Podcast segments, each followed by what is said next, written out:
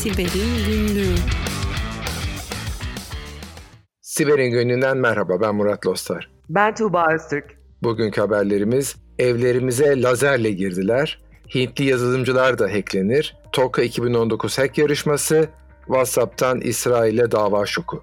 Tuğba'cığım senin için de uygunsa bu evlerimize lazerle girdiler haberiyle ben başlamak istiyorum. Lütfen Murat. Biraz böyle kısa ve e, böyle biraz da komik bir başlık bulmaya çalıştık. Aslında iki tane üniversite, Japon ve Michigan Üniversiteleri Amerika Birleşik Devletleri'ndeki araştırmacılar enteresan bir deney yaptılar. Uzun bir koridor, karşımda fotoğraf var şu anda, uzun bir koridorun ucundan görünmez bir dalga boyunda bir lazer gönderiyorlar. Uzaktaki bir kapalı odadaki camın olduğu yere. Camın öbür tarafında odanın içinde içinde de e, bizim akıllı asistanlarımız var. Hangi asistanlar dersen onların yaptıkları asistanlar aslında standart aklımıza gelenler. Google'ın evi Google Home, Alexa, Siri gibi şeyler, asistanlar. Bu asistanlar senin de bildiğin gibi e, sesle çalışıyorlar, ses komutuyla çalış, çalışıyorlar. E, lazerle e, o cama şeyi verdikten sonra e, sinyali insan kulağının duymayacağı ama elektronik cihazların işte bu asistanların anlayacağı şekilde komutlar yollamaya başlıyor araştırmacılar. Diyorlar ki Alexa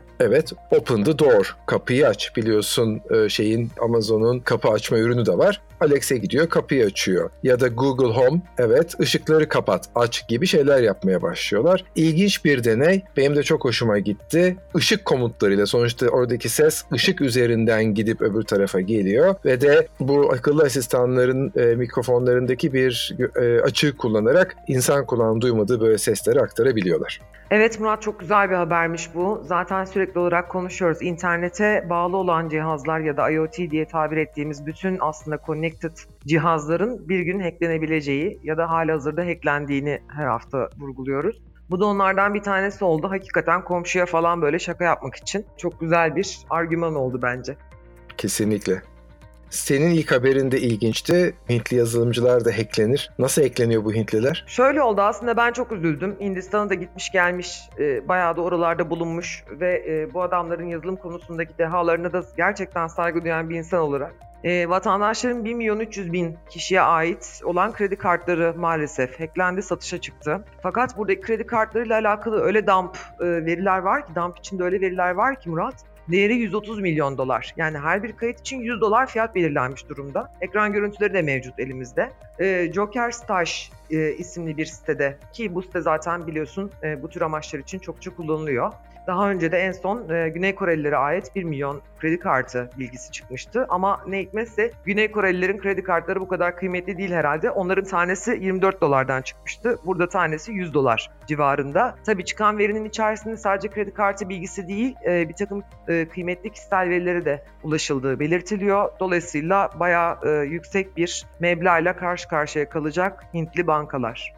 1 milyon 300 bin adet. İlginç e, bir şey çünkü aynı zamanda başka bir açıdan bakarsak Hindistan nüfusu da 1 milyar 300 bin küsur kişi. Dolayısıyla senin söylediğin rakamla arasındaki oran tam tamına binde bir. Yani her bin Hintliden bir tanesinin verileri çalınmış. Gerçekten üzücü. Ama rakamın yüksek olması o binde birinde herhalde ülkenin en zengin, en varlıklı ya da verilerinin en değerli olduğu binde bir olduğunu anlıyoruz diye düşünüyorum. Ee, oldukça ilginç ve tatsız bir haber. Evet maalesef. Senin sıradaki haberine gelelim. O da biraz tabloid gibi sanki. Tuğba bu haberim de aslında ilginç bir hacker yarışmasından. Bu hafta Tokyo'da gerçekleştirildi bu yarışma ve ilk gün sonuçları oldukça iddialı. Amazon Echo ilk haberimde de söylemiştim. Samsung'un ve Sony'nin akıllı televizyonları, bunun yanında e, Xiaomi'nin telefonu, Netgear'in ve TP-Link'in internet erişim routerları birinci gün hacklendi.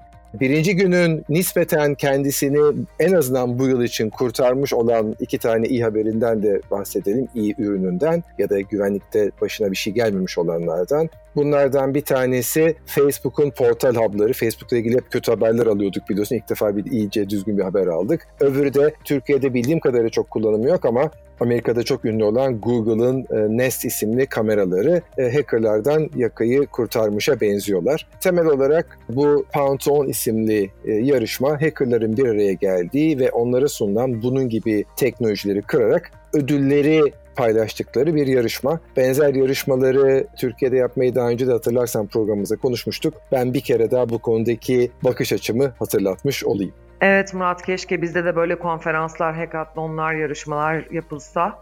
Ee, daha ziyade burada sadece belli başlı kurumların gizli bug bounty programları yürüttüğüne tanıklık ediyoruz. Ama yakın zamanda inşallah bunları ülkemizde de görürüz diye umuyorum ben de. Hazır WhatsApp, Facebook demişken biliyorsun WhatsApp'ın da sahibi Facebook. Ee, ben de daha önce verdiğimiz bir haberin devam niteliğinde bir haber vereceğim. Ee, WhatsApp'ta oluşan bir güvenlik açığından bahsetmiştik yakın zamanda. Hatta bunun güncellemesi de hemen peşi sıra gelmişti. Biz de bu haberi telefonuna şüpheli bir çağrı gelen ve dinlendiğinden şüphelenerek konunun takipçisi olan Amerikalı bir avukatın WhatsApp'ı dava etmesiyle aslında öğrenmiştik. Bu açıktan aslında 20'den fazla ülkede bulunan yaklaşık 1400 hükümet görevlisi kullanıcının etkilendiği ortaya çıktı şimdi. Reuters haber ajansının geçtiği detaylara göre bunların içinde 100 civarında kullanıcı insan hakları aktivisti. E, NSO isimli bir şirketin adı geçiyordu biliyorsun. Bu açığı tespit ederek geliştirilmişti ve aslında İsrail hükümetine destek olma maksadıyla, hükümet desteğiyle daha doğrusu İsrail tehdit eden terör gruplarını e, tespit etmek amacıyla kullandığını belirtmişti. Ancak işin iç yüzü böyle değilmiş. Bu bahsi geçen 1400 kişilik e, hükümet görevlisi ve aktivistten oluşan e, kullanıcıların doğrudan dinlendiği ya da işte telefonlarına bu zararlı yazılım vasıtasıyla girildiği ve bir takım bilgilerinde sızdırıldığı ortaya çıktı. Bu nedenle WhatsApp geçtiğimiz hafta itibariyle bu söz konusu İsrailli güvenlik araştırmacısı şirkete dava açmış durumda.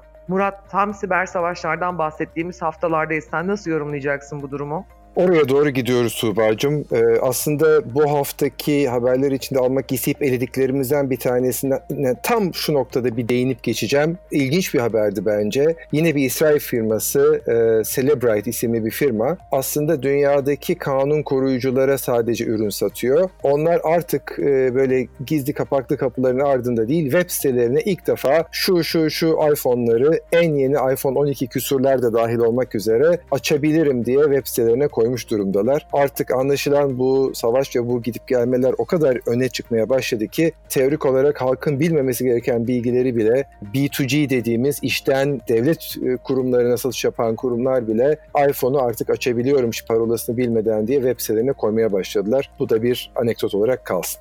Evet, bu hafta güzel haberler verdik ama gelecek haftanın gündemi şimdiden hazır gibi görünüyor. Sağlıkla kalın, güvende kalın diyelim mi?